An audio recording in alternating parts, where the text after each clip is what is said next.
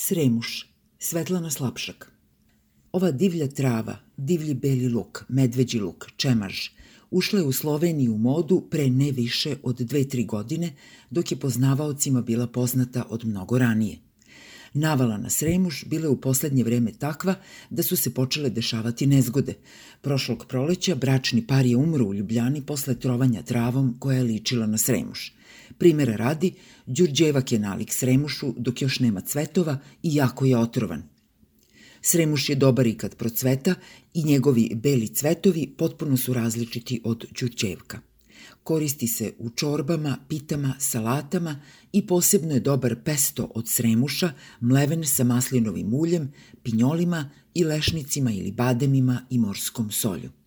Sudeći po medijima, Sremuš je našao svoje mesto u Srbiji, Bosni i Hercegovini i Hrvatskoj za vreme karantina i antivirusnog ponašanja. Između ostalog, tinktura od Sremuša dobra je za iskašljavanje.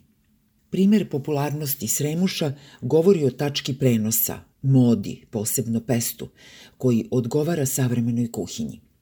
No isto tako govori o poreklu znanja, o starcima koji su to oduvek znali, sem pesta naravno. O starcima je dakle reč, njihovoj važnosti za društvo, pamćenje, pamet, o prisutnosti, o neminovnosti i o lepoti. O tome šta im se sada dešava u istim ovim krajevima i kako izgleda posebno zastrašujuće paralelno u Sloveniji i Srbiji. O tome kako se nova surovost utemeljuje i kopa sebi uporište. O tome kako su neljudska čudovišta opet brža od ostalih u stvaranju novog sveta, još goreg od ovoga. Nova, vrlo desna vlada uzela je vlast u Sloveniji pre mesec dana.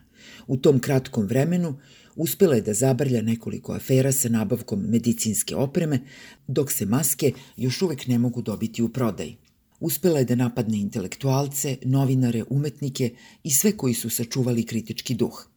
Uspela je da se osramoti prostačkim ispadima protiv novinara u inostranstvu.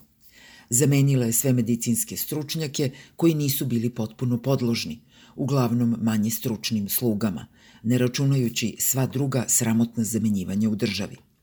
Starcima je dato vreme za kupovinu hrane do 10 ujutro, ali moraju da pokažu dokument sa datumom rođenja, dakle da su stariji od 65 godina.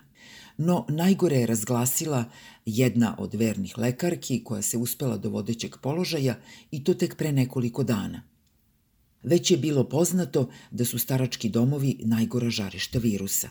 Tome su dodati podaci da obolele koji su u najtežem stanju uopšte ne prenose u bolnice, nego ih puštaju da umru bez ikakve lekarske brige i da podatke o tome koliko je starih ljudi tako pomrlo neće da objave jer ih navodno nemaju, ali i zbog brige za rođake.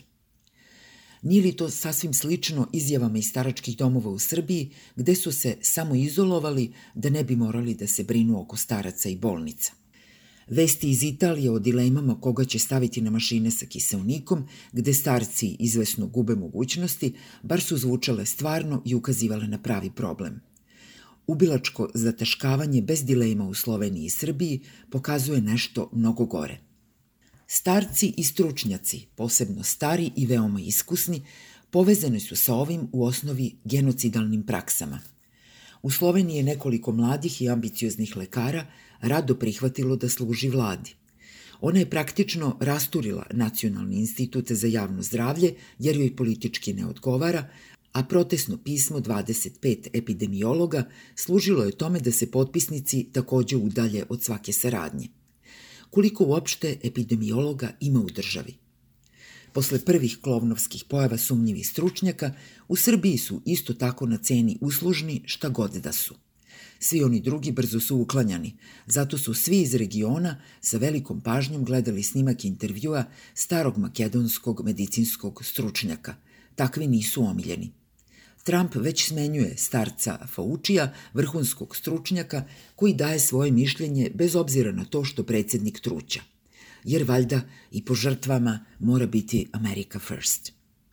Starost i znanje obično funkcionišu dobro zajedno, ako postoji mudrost vlasti.